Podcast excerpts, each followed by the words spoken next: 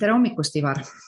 tere hommikust! Ja alustame oma siis kahekümne teise podcast'iga. Ja püsige siis kuuldel ja meil täna selline vahva teema nagu äh, delegeerimise oskus, nii nagu me lubasime, et jagame mõnda aega siis äh, selliseid paremaid näpunäiteid ja, ja selliseid vau-momente siis erinevatest oskustest, et siis juhina saaksid seda asja nagu rohkem vaadata, mõelda ja, ja võib-olla siis praktiseerima hakata jah, episood kakskümmend kaks aastal kaks tuhat kakskümmend kaks, aga, aga selle juhtimise kontekstis ma kuidagi praegu, kui ma sind kuulasin, ma jäin mõtlema, et ega see, see, need podcast'id ja noh, podcast'id ei ole meil mõeldud otseselt ainult juhtidele, et -hmm. minu meelest on üks äh, selline ma ei tea, kas eksiarvamus või selline müüt, et, et juhtimisega peavad ainult juhid tegelema, et noh, kui meie võtame oma selle juhtimise, oma selle podcast'i pealkirja, et noh, siis tegelikult äh, kõik võiksid ise tegeleda enda juhtimise ja, ja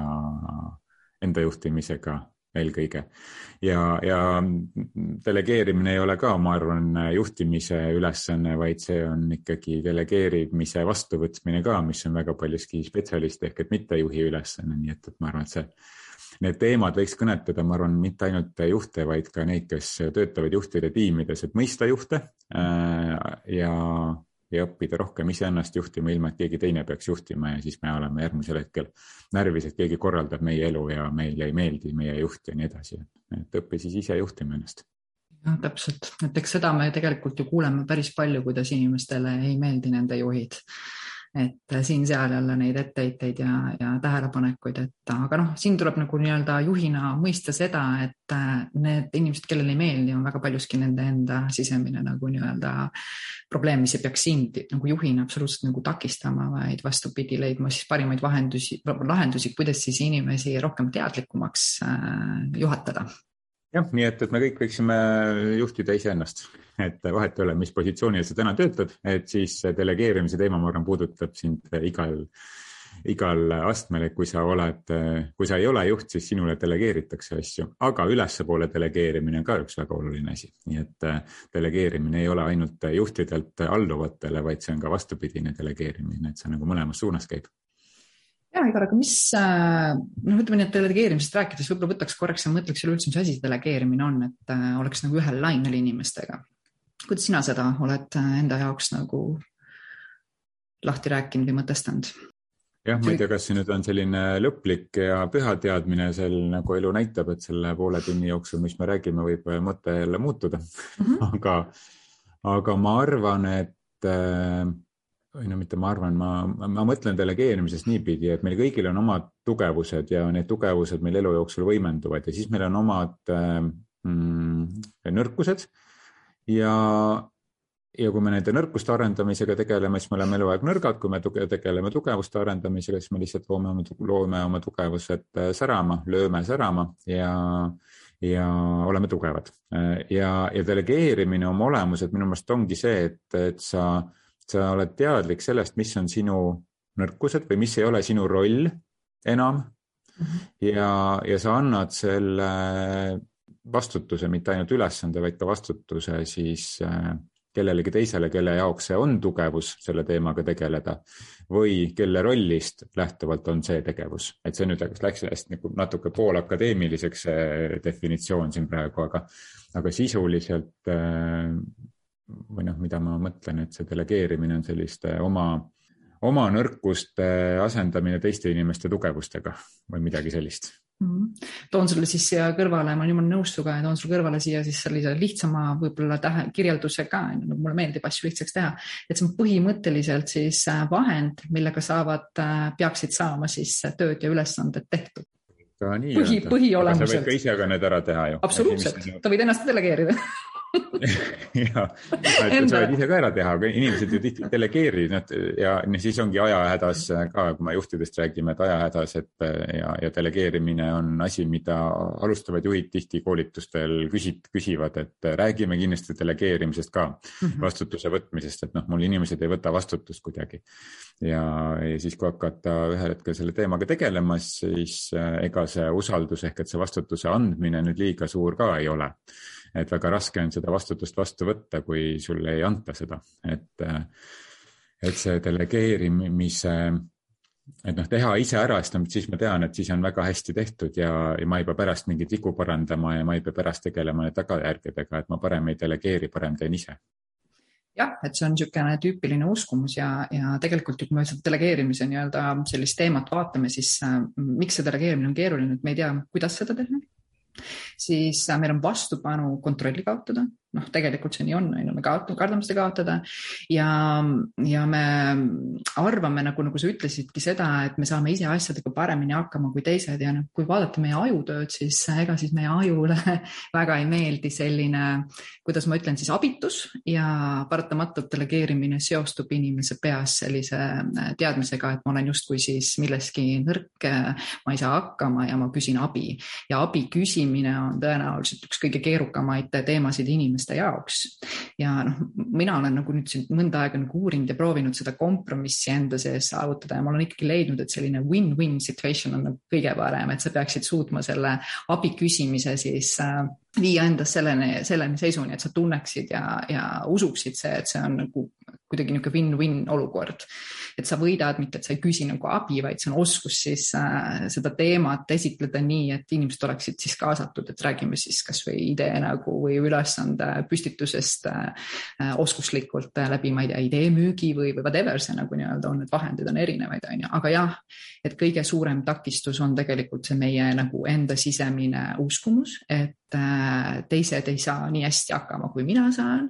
mul on endal seda kiirem ja parem teha, ma ei taha koormata oma tiime. Ja noh, seal on neid uskumusi nagu rida, et, et selles mõttes, kui sa nagu saad aru sellest, et mis takistab sind tegelikult delegeerimast ja nagu nii-öelda siis selliseid ülesandeid äh, kuidagi mõnuga jagamast, on ju, nii et kõigil oleks siis see vastutus ja õigused, mis räägime siis ka õigustest ja minu meelest on see ka nagu väga oluline koht, et me ei saa anda ainult vastutust ilma õigusteta, on ju. siis äh,, siis hakkavad asjad nagu muutuma, et sa pead suutma nagu selle kontrolliga, sa pead suutma tagasiastumisega tegeleda ja mitte võib-olla niivõrd taga ajama seda, kuidas ma ütlen siis seda perfektsust, vaid pigem nagu looma mingi standardi. et mind ennast õudselt aitas see, et ma kogu aeg nagu nägin, et ah, asjad pole nii, nagu ma tahaksin, need ei ole tehtud nii, nagu mina teeksin. aga lõpuks, kui ma hakkasin märkama, et nad on tegelikult sellised nagu noh, nagu standard on, et nad tegelikult on kõik nagu super luks ja kõik on ju arengus. mul muutus asi kergemaks sees, et see on ikkagi enda sisemine plokk jah, ja ma arvan, et see hästi lihtsustatud öeldes, et delegeerimine ongi abi küsimine ja mm, -hmm. ja delegeerimine on, on mõlemas suunas, nii alt üles mm -hmm. kui ülevalt alla, et, klassikaliselt mõttes on see ülesannete jaotamine siis allapoole hierarhias on ju, et, et juhid siis allapoole delegeerivad midagi, aga see, see on nagu mõlemas suunas ja, ja noh, ka võtame, ma ei tea, koduse elu on ju, ühele on delegeeritud prügi viimine, teisele on delegeeritud söögi tegemine, noh, et, et sa, sa, sa jagad neid erinevaid vastutusi ja vastutus on alati õiguste ja kohustuste tasakaal, et mhm. ka see vastutus äh, mitte ainult kohustusi ei anna, vaid ka, ka, ka siis õiguseid, aga mm. tihti äh, ma näen, et õiguseid tahetakse, kohustusi ei taha võtta et, et teistpidi ma näen seda isegi rohkem juhtuvat kui seda, et et andja poole pealt on jah, tahaks anda kohustusi, aga õigusi ei taha anda, aga saaja poole pealt ma tahaks ainult õiguseid saada, aga ma neid kohustusi ei taha vastu võtta, et seal tekib juba sellises delegeerimissituatsioonis või mhm. sellises mm -hmm. olukorras tekib see äh, ebakõla, et kus üks äh, tahab õiguseid, aga teine tahab anda kohustusi ja õigusi võtta enda kätte. no kui, kui minna nagu selle delegeerimise sõna nagu veel juure juurde tagasi, et siis noh, delegeerimine on ju delegaat on ju enda nii-öelda esindamise, enda esindajaks saatmine kuhugi on ju mm. -hmm. et, äh, et sa delegeerid äh, kellegi ennast esindama mingisuguse tegevuse raames. aga siis, kui ma sind kuulasin, siis mul tuli üks selline lihtne reegel, mida ma olen ise kasutanud äh, ja noh, nüüd täna siis äh, soovitan teistel ka edasi seda kasutada, et äh, kui sa tunned, et keegi teine saab selle ülesandega vähemalt seitsmekümne protsendi ulatuses hakkama, nii nagu sina saaksid, noh, mis iganes, tunnetuslikul tasemel saad aru, et seal ei peagi mõõtma ju nii täpselt matemaatiliselt. et kui sa tunned, et saaks vähemalt seitsmekümne protsendi ulatuses hakkama, et siis delegeeri see ära. sest et see oleks egoistlik hoida see enda käes Mm -hmm. sest et teine inimene ju saab õppida ainult läbi selle, et kui ta kogeb midagi, siis ta reflekteerib seda, siis ta mõtestab, ta saab taipamised ja siis ta kinnistab selle endale siis mällu. et täiskasvanud inimene õpib läbi kogemise ja siis kinnistamise, et noh, see on see põhjus, miks me koolitustel väga tihti koolituste lõpus kuuleme, et noh, et ma sain kinnitust paljudele asjadele. no see ongi kõige parem kompliment koolitajale mm, -hmm. et, et ta, et ta aitas süstematiseerida inimese senise kogemuse siis ja läbi selle, läbi mõtestamise reflektsiooni Mm -hmm. nii et, et see seitsmekümne protsendi reegel või selline printsiip annabki inimese võimaluse siis kogeda, kogeda ka vigu ja, ja võib-olla luua mingi uus standard mm. -hmm. ja läbi selle kogemise ta saabki kasvada, nii nagu sina said ühel hetkel selle ülesande või selle teema osas siis äh, profiks, äh, kes suudab nüüd sajaprotsendist tasemel seda lahendada. aga see oleks äärmiselt egoistlik hoida seda enda käes, kui teine saaks sellega ka vähemalt seitsmekümne protsendi ulatuses hakkama, sest et sa võtad teisele inimesele arenguvõimaluse ära. ja kuna juhi ülesanne, üks peamisi ülesandeid on toetada inimese arengut siis kui juht ei delegeeri, siis ta töötab vastu iseendale rollile, et siis mine ja hakka seda spetsialisti tööd ise tegema, et sa ei pea juhina tegutsema siis. ma arvan jah, ma olen sinuga nõus, et siin koha pealt tulebki iseendaks nagu selleks, et kas ma olen täidesaatja või ma olen eestvedaja, et ma arvan, et see hakkab hästi palju nagu nii-öelda ka mängima, et äh, noh, meil on juba niimoodi, et see, mida me ikkagi oma pähe räägime ja endale pidevalt nagu nii-öelda ütleme, eks see siis tegelikult selle pildi kujundab ja ka tegelikult resultaadid toob, on ju, et, et kui sa enda jaoks nagu rahulikult äh, mõtled ära, et, et mis on siis see eestvedamine, on ju, ja millised on siis need edukohad ja, ja, ja sa jõuad tegelikult selleni, et okei okay,, ma olen palju edukam siin, kui ma tegelikkuses äh, võtan suurema nagu pildi, et minu delegeerimine on areng et me tegelikult arengu mõist-, mina olen iseenda jaoks nagu delegeerimist vaadanud niimoodi, et sõltub juhtimisstiilist, sõltub olukordadest, aga aga on neid, kus sa annad ülesandeid, on ju, noh, konkreetne mingi asi on vaja nagu ära teha. teine asi on see, et sa jagad ülesandeid, on ju, et sul ongi nagu tiim selline, kes äh, võtab nagu nii-öelda siis otsast asjast kinni ja aitab seda projekti jagada. ja kolmas selline nagu vaade on siis selline arengukoht, et me ei tegele sellest kohast, kus on meie tugevused, vaid ka me arendame oma nõrkuseid nagu edasi, et, et see on niisugune nagu, kuidas ma ütlen siis selline nagu juhi võib-olla selline järgmine ütleme, üks niisuguseid nagu võib-olla arengud enda teadliku taseme niisuguseid kõrgemaid äh, selliseid tasemeid juba, kus sa nagu arendad inimesi edasi, on ju. et noh, delegeerimist võib vaadata ka, ka niipidi, on ju, et mis on selle delegeerimise siis nagu eesmärk, on ju, ja, ja rakendada kõiki neid koos või siis ka nagu ükshaaval, et sõltub nagu nii-öelda olukordadest ja nagu sellistest teemadest, on ju aga areng on, ma olen nõus, üks selline koht, et kui me näeme nagu seda, et läbi selle, et ma nagu delegeerin asju äh,, ma aitan inimestel areneda, on minu meelest nagu sihuke väga kihvt win-win seis enda jaoks ka, et ma ei anna sellepärast ära, et ma ei viitsi midagi teha või, või ma ei tea, et ma saan paremini hakkama, vaid vastupidi, ma vaatan kuidas, kuidas seitsekümmend protsenti inimestest võiksid selle asjaga paremini hakkama saada, on ju, seda nagu kaugemale me jõuame, on ju jah, ja no seda on ju uuritud ka, et, et mismoodi me töö, töö kontekstis kõige rohkem õpime, see seitsekümmend, kakskümmend, kümme mudel, et mhm. seitsekümmend protsenti on ikkagi mingisuguses projektides, mingisuguses tegevuses osalemine mm -hmm. ja mhm. ainult kümme protsenti on see, mis on siis selline formaalne koolitusformaat. koolitusformaat aitab seda seitsekümmend ja kahtekümmet siis mõtestada, mida me mm -hmm. siis teeme, et aga, aga aga ja, et me, me kogeme ikkagi siis, kui me kogeme, et, et kogemusi me saame ikkagi kogedes, mitte teoreetiliselt nende üle mõtestades ja noh, delegeerimine on see, kus me siis on võimalik neid kogemusi kogedes saada, et no, mm. muud moodi me lihtsalt ei saa oma kogemusi kui kogemuste kaudu, on ju. ja õppimist ka tegelikkuses. ongi jah, et delegeerimine ongi areng, on ju mm. -hmm no okei okay., nüüd on delegeerimine siis selge, aga noh, kuidas seda siis nüüd teha, et, et hirmud on siin suured, et noh, et, et teine inimene, kui ta mind esindab, siis ta ei saa nii hästi hakkama kui mina ja, ja pärast ma pean, mul on nõrgemad tulemused tänu sellele siis ja, ja, ja võib-olla keegi vaatab kriitiliselt minu peale, et minu meeskonnas ei olnud asjad hästi. ma oleks võinud ise kohe selle asja hästi ära teha noh, eks me teame, need on need sisemised hirmud, millest tuleb igalühel iseseisvalt nagu nii-öelda hakkama saada ja, ja just seesama, see suurem pilt võiks olla see, mille poole sa nagu liigud, et okei okay,, et mingil hetkel võib-olla pole see asi nii perfektne, aga ta vastab standardile, on ju, et ja noh, ütleme nii, et minu jaoks nagu delegeerimise esimene oskuse koht on äh, oskus nii-öelda see, kuidas ma ütlen siis see ülesanne või, või siis asi võimalikult täpselt ära planeerida ja kirjeldada hästi selgelt. mis on siis see, mida, kuidas ja miks, on ju. et kui see on sinu jaoks selge selle ülesande puhul, siis sa suudad ka seda väga selgelt edasi viia, vaata, on ju. et ikkagi nagu väga selge arusaamine, mida sa üldse nagu delegeerid, ei ole niimoodi, et ma ei tea, tehke see asi korda, mida täpselt korda teha, kuidas seda korda teha? Ja, ja siia juba järgneb siis see järgmine asi, mis on minu jaoks siis selline juhendamise pool, et iga delegeerimise puhul minu jaoks on ikkagi juhendamisel väga oluline roll.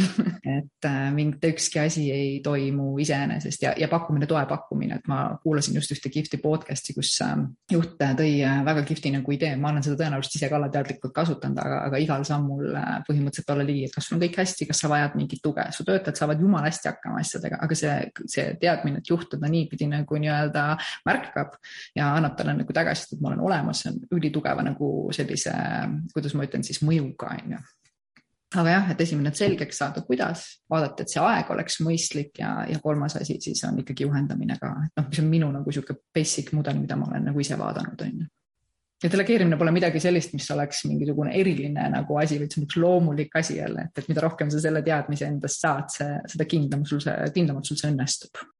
mind praegu isegi, kui ma meid siin kuulan ja teen samal ajal märkmeid, et neid show notes'e või kokkuvõtet meie siia mm -hmm. podcast'i alla kirjutada, et siis ma kuidagi jõuab tagasi see tunne, mis mõni aeg tagasi oli delegeerimisega seoses, mind häirib see delegeerimise teema mm. -hmm.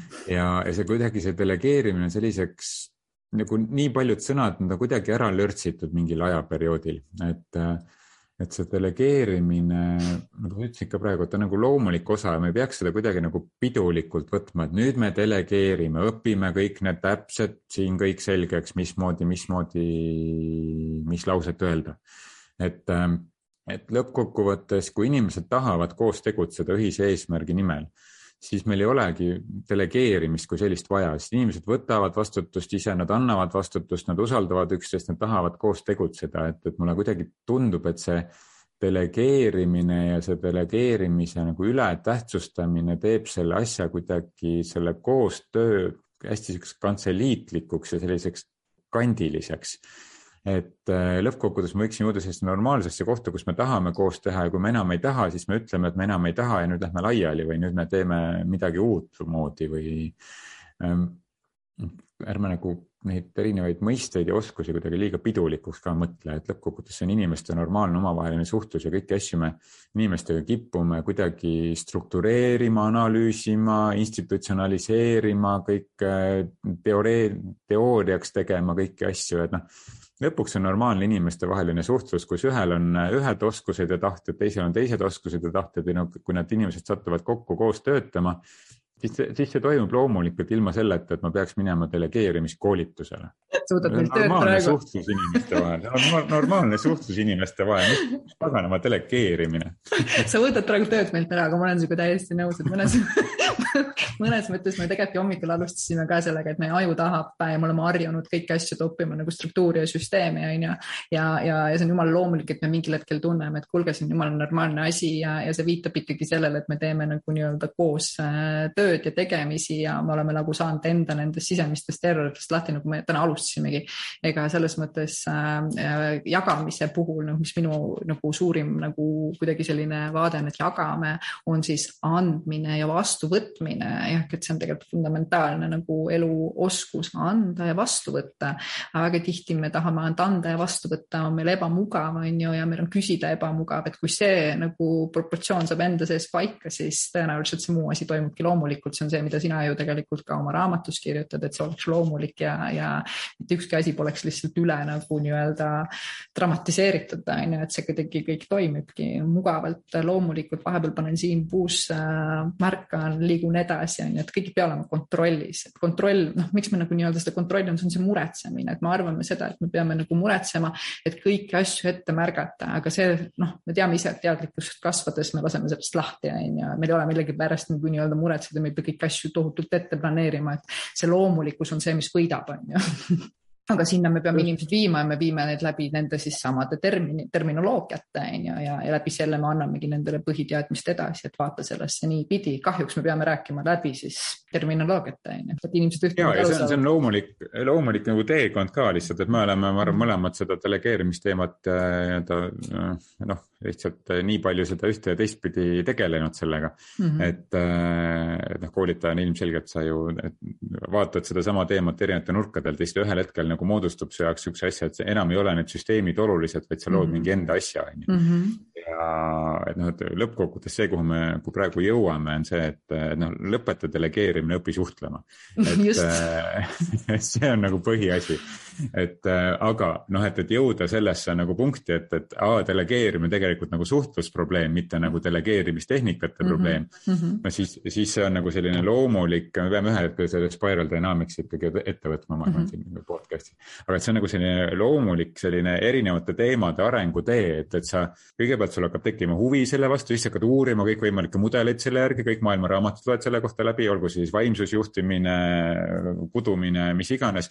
ja siis sa ühel hetkel sul on kõike seda infot nii palju ja siis sa kuidagi sealt lood mingi oma asja või sa keskendud seal mingisugusele ühele siis äh, valdkonnale ja fookusele, aga sul on vaja see nagu Siduda. see küllastuvuse periood ka käia läbi, kus sa kõik maailma koolitused ja kõik maailma asjad käid läbi selleks, et, et jõuda sinna punkti, et mis on siis sealt sinu jaoks see. Et natuke nagu selline meie kooli, kooliharidus või keskkoolihariduse süsteem ka, et noh, et, et me kõikidest ainetest saame natukene teada mm.. ja siis, siis me saamegi selle pealt valida selle, et mida, kuhu me tahame siis spetsialiseeruda ise ja milline suund meile tundub elus nagu põnevam, on ju. nõus, aga, aga siin on, annab jällegi nagu olla tark, ütleme nii, et me oleme ju piisavalt praktiseerinud, et äh, kui sa ikkagi praktiseerid eneseteadlikkuse oskuseid, siis läbi eneseteadlikkuse sa tegelikult õpid nagu aru saama nendest oma hidden spot idest, on ju, mis tegelikult annavad sulle võimu, võimaluse väga selgelt aru saada, millist siis sellist äh, oskust sa endas nagu võiksid äh, vaadelda ja arendada, on ju, et need on need oskused või need on need küljed, mis, mida, mida me ise ei märka, et äh, mida märkavadki teised ja, ja sealt me saamegi järeldada, et kui me ikkagi saame aru, et meie tiim tunneb, et nad, ma ei tea, noh, on suhtlemise koha pealt nagu nii-öelda sellises ära lükatud seisus, nad ei ole kaasatud, nii edasi, siis sa saad ju vaadata, et kuidas seda suhtlust siis äh, tervendada, on ju, enda jaoks, nii et sul oleks nagu enda sees igas sinu osas oleks nagu sihuke hea win-win olukord, on ju, et sa ei pea miskit endas maha suruma. et ei ole nagu seda, et ma pean äh, kogu aeg abi abi paluma, vaid see on pigem see, et aa, okei okay,, et äh, ma esitan seda nii ja need inimesed võidavad ja ma võidan, et sellist nagu enda olemist tegelikult sa ju praktiseerid läbi selle, on ju. Aga ma arvan, et see on ikkagi sihuke, läheb sinna eneseteadlikkuse sihukese oskuse peale, on ju, mida võiks kõige rohkem äh, panustada, sest muud oskused tulevad nii, et naa, palju kergemini jah, ja äh, hästi nõus. Ja, ja see, kuhu me nagu praegu nagu jõudnud oleme, et noh, ma tahaks ühe, ühe mudeli siia veel siiski anda, et, et sellel teekonnal, aga Mm, et ka oma selle podcast'i pealkirja, nii et, et lõppkokkuvõttes on kõik nagu suhtlemisteemad, et ja, ja muidugi igas valdkonnas meil on vaja kuidagi süstematiseerida seda valdkonda ja, ja süstema-, süstematiseerimine teeb meie elu kuidagi lihtsamaks ja nagu loogilisemaks ja me saame seda ratsionaalsust ja emotsionaalsust mõlemat nagu rakendada mm. -hmm. et selles delegeerimise kontekstis äh, äh, mulle väga meeldib üks selline neljaastmeline mudel. Äh, noh, mudel mudeliks on jälle niisugune kandiline sõna, aga, aga millel on nagu, mida ma mõnikord räägin nagu neljaastmeline, mõnikord seitsmeastmeline, olenevalt sellest, kus see siis meeskonna arenguetapp on ju selle persooni areng, areng on, et kuna, kui persooni areng on väga tugevalt selles seisus, et kus ta, kus ta vajab etteütlemist, siis see on alles, ütleme, tase number üks ja, ja kui ta on seal, et ta suudab ise võtta vastutust ja see ongi puhas selline suhtlusülesanne, siis see on tase number seitse, aga kõikidest tasemete või kõikide selliste arenguetappide liikumine võtab mitu kuud aega ja selle, see vajab sellist nagu professionaalset tuge ka sinna kõrvale, nii et selles mõttes see mm -hmm noh, päris nii, nii lihtne ei ole, et noh, delegeerimine on lihtsalt suhtlusprobleem ja kogu lugu ja nüüd ongi lahendatud ja kunagi delegeerimisest rääkima ei pea aga, aga see, mida mina oma praktikas näen, on kõige mm,, kus need delegeerimissituatsioonid siis äh, äh, kiiva kisuvad, on see, et et ei ole siis selge, et mis on siis delegeeritud, nagu sina ütlesid ka, et, et mis asi see on, mida sa delegeerid aga ka milline see vastutuse aste, mida sa mm. delegeerid. Et äh, võtame selle seitsme, seitsmeastmeline natuke pikem teema, et äh, selleks võib-olla on mõistlik nagu pikemalt inimesega rääkida, keda siis huvitab, aga et äh, aga, aga see neljaastmeline on hästi-hästi hea lihtne, et, et kui sul on isegi teada see probleem, mida me lahendame või mis, mis ülesanne on vaja siis ära lahendada, siis esimene aste on see, et sa lihtsalt delegeerid info kogumise mm -hmm. ja lepid ka kokku, et noh, sinu ülesanne on ainult infot koguda ja tuua mulle infot mm. -hmm. ja, ja muud ei olegi ja, ja siis sina teed selle, selle otsuse siis selle info pealt, sest et sa korjad veel kuskilt mingit infot kokku, on ju, et mhm. ja see, see info on lihtsalt üks killuke kogu suurest otsusest. teine aste on siis see, kus on see inimene kogub kokku infot ja ta toob ka mingi soovituse, et noh, ta va vaatab erinevaid alternatiive ja, ja vaatab siis, et okei okay,, et nendest alternatiividest kõige parem võiks olla see variant mm -hmm. ja, ja sellepärast, et et et ta juba infole lisaks juba toob ka enda soovituse, et see filtreerimine on sinu jaoks siis juba väiksem. ja kolmas aste on siis see, et kus inimene äh, kogub info, äh, teeb iseenda jaoks soovituse ja hakkab tegutsema ka Mm -hmm. aga ta vaheetappidel, ma ei tea, regulaarsetel üks-ühele kohtumistel või noh, mis iganes projekti koosoleku raames ta siis hoiab kursis ja siis me saame nagu näiteks, kui ma olen juht on ju, mul on natuke rohkem see infoväli on laiem, ma saan anda veel mingit lisainfot või ma saan võtta ise kuhugi mingisuguse järgmisse ringi sealt lisainfot, aga, aga see inimene juba tegutseb ise ja, ja lihtsalt me arutleme aeg-ajalt asju läbi, et. -hmm et see on nagu kolmas ja noh, neljas aste on siis see, et, et kus inimene kogub siis info kokku, leiab selle enda jaoks parima lahenduse enda hinnangul, äh, tegutseb äh, kellegi teisega ja lihtsalt annab siis, neljas aste on siis see, et kus ta siis annab lihtsalt märku siis, kui asi on tehtud mm. -hmm et äh, ja, ja seal ongi see minu arust üks selliseid suurimaid möödarääkimisi see, et see, kellele delegeeritakse, tema arvab võib-olla, et on tal, ma ei tea, kolmas aste, kui ta peab juba ka tegutsema hakkama mm. -hmm. juht, kes delegeerib, arvab, et sa pead lihtsalt infot tooma ja, ja mm. siis mhm. tekivad siuksed möödarääkimised, üks mhm. teeb rohkem kui oodatud või vähem kui oodatud, et juht enda meelest delegeeris ülesande lahendamise ära ja probleemi defineerimise ka näiteks aga töötaja tuleb siis äh, kahe nädala pärast, ütleb, noh, ma uurisin seda asja, et seda ei saa niimoodi lahendada mm.. ja kogu lugu mm.. aga juht juba mõtles, et okei okay,, niimoodi ei saa, leia siis muu lahendus ja lahenda ikkagi ära, onju. Mm. et, äh, et need, need möödarääkimised ühesõnaga tekivad sellest, et me ei ole nagu kokku leppinud selles, mida, mida me siis täpselt nüüd, äh, mida üks teeb ja mida teine teeb selle konkreetse ülesanne või teemaga seoses. et kas mm. kogub infot, leiab ka soovitused hakkab tegutsema, me lihtsalt aeg-ajalt räägime või teeb täielikult kõik ise ära, on ju, võtab mm -hmm. täisvastutuse, et see, see nii oluline läbi rääkida need asjad, mis omakorda viib jälle tagasi selleni, et delegeerimine oma olemuselt on ka suhtlusprobleem et mm. delegeerimise sees võivad suhtlusprobleemid tekkida. jah, et kuidas siis seda asja ikkagi nagu nii-öelda võimalikult täpselt ja arusaadavalt nii-öelda, kuidas kuulata, kuidas öelda, onju. aga mulle meeldis see mudeli äh, nagu idee ja mida mina nagu kõrvalt nagu jär, nagu proovin siis nagu anda, et vaata sinna sisse, et, et iga inimesega on see esiteks tase erinev, on ju. me teame, et tiimis ei ole kõik ühtemoodi, et sul võib-olla kolmkümmend protsenti lähtuvad ja suudavad juba sul iseseisvalt ka ära tegutseda. kakskümmend protsenti võib-olla on ainult kogujad, et suhtu nagu loomulikult sinna, aga sa võid ka nagu ise vaadata, et millises faasis sa nagu ise juhina oled, et mida sa tegelikult praktiseerid, et kas sa praktiseeridki seda nii-öelda siis info kogumist ehk oleks aeg minna ja lasta juba inimestel siis hakata ka omapoolseid nagu lahendusi pakkuma, et ka juhina sa võid vaadata seda niipidi, et sellest on hästi palju kasu, on ju, et okei okay,, ma olen pikka aega juba nagu nii-öelda lasknud koguda endale info tuua, et võib-olla mul on aeg anda nii-öelda nendele siis järgmine nagu nii-öelda usaldada need järgmine asi ka, et nad panevad ka omad nii-öelda siis lahendused juba nii-öelda sisse. ja nii sa juhina nagu nii-öelda viid enda seda oskust nagu edasi, on ju, ja siis, kui seda oled juba piisavalt praktiseerinud, võta järgmine nagu tase ja ürita ka nagu vaadata, kuidas su inimesed seal sees nagu toimivad. et võib-olla sa võid juba mõnes, mõne inimesega praktiseerida neljandat taset, on ju. et, et selles mõttes see mudel on selle koha pealt nagu hea, et iseennast nagu nii-öelda vaadelda, et noh, enesevaatlus on juhtimise alustala, on ju ja, ja need meetodid aitavad sul lihtsalt täna siit natuke nagu selgemaks saada, on ju just, nii et, et kõik see, et noh, ma siin korra mainisin seda seitsmeastmelist, et, et see, selle, see koosnebki sellest, et mis, mis valmisolek sul endal juhina mm -hmm. on anda just. vastutust ja mis valmisolek on vastu võtta vastutust.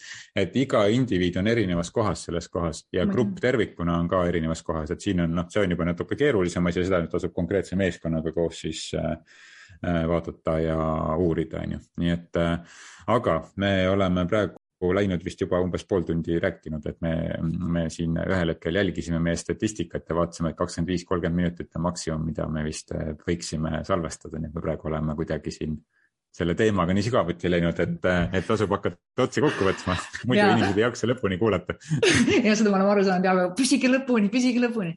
aga toome selle siis kasu ka välja, et, et mis on siis tegelikult, Ivar, sinu meelest, me oleme ju mõlemad praktiseerinud juhtimist, sinu jaoks selline delegeerimise siis selline kasu win-win sinu enda sees. mis sa nägid sellest, mida sa annaksid edasi? jah, ma saan töölt ära minna juhina ühel hetkel ma ei pea midagi tegema. minu eesmärk on see, et võimalikult ruttu teha ennast mittevajalikuks ja siis juhina selles, selles rollis on ju. et, et mida kiiremini ja, ja paremini see delegeerimine läheb, seda kiiremini ma jõuan enda eesmärgini, et ma olen oma pärandi jätnud ja ma saan edasi minna mm. väga äge. minu jaoks äh, tuli see nii, et ma sain väga selgelt aru, kui ma tegin selle switch'i enda sees on ju ja, ja võtsin inimesi ja andsin edasi ja juhendasin edasi, tuli ettevõttele päris korralik nagu nii-öelda parem tulemus ja tegelikult suurem, äh, kuidas ma ütlen siis, rahulolu minu olemise ja, ja minul endal saavutustega, et ta otseselt kasvatas äh, ettevõtte tulemusi ja, ja ma sain siis pakkuda seda arengut ettevõtte jaoks, et ilma, et ma oleks seda nagu lubanud läbi sest ma olin ju ka see tegija, kes tegi kõike ise. Et ilma, et ma seda, kui ma poleks seda lubanud, poleks sellist asja kindlasti saanud minna, võib-olla ma oleksin oma töögi kaotanud, sellepärast et ma oleksin olnud nii suures vastuseisus, on ju. Et äh, hästi suur äh, äh, muutus äh, enda ja kõigi jaoks. Ja väga suur areng iseendale, et sa vabanesid kontrollist ja sa hakkasid nägema muid väärtuseid, et äh, ülimalt äh, soovitan seda vaadata enda sees, just lastilastmist seda, et äh, kontrollist ja, ja kõigest sellest, et teised ei saa hakkama, et saavad küll, et see ongi minu ülesanne, see sinnani viia. paradoksaalne on ju, et kui mm -hmm. sa ei mhm. delegeeri, siis äh,. sa ei arene. siis sa ei arene ja siis on, võib väga kiiresti juhtuda see, et sind lihtsalt saadetakse minema mm. -hmm. jah, sa võid oma töö kaotada, et kasu on igal juhul selles sees et kui sa tahad edasi töötada, et siis et siin nagu natuke vastuolu minul oli see, et, et kui, kui, kui sa ei taha edasi töötada, siis delegeeri. sinul oli see, et kui sa tahad edasi töötada, et siis delegeeri, nii et delegeerimine on vaja igal juhul, kas sa tahad töötada või sa ei taha töötada, igal juhul on vaja delegeerida. iganes, ega me ei saagi hukka mõista inimese motiivi on ju, et motiiv on motiiv. Kord nii, kord naa. No,. aga oota, mis teema me järgmine nädal siis võtame, aga, aga eks siis elu näitab.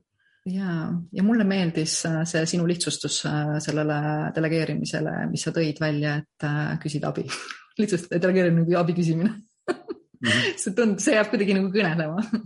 jah, aitäh, ma sain enda jaoks ka mõtted selgeks mõelda. aitäh, et kuulasid. aitäh, et kuulasid ja kohtume jälle. kohtume, tšau. tšau.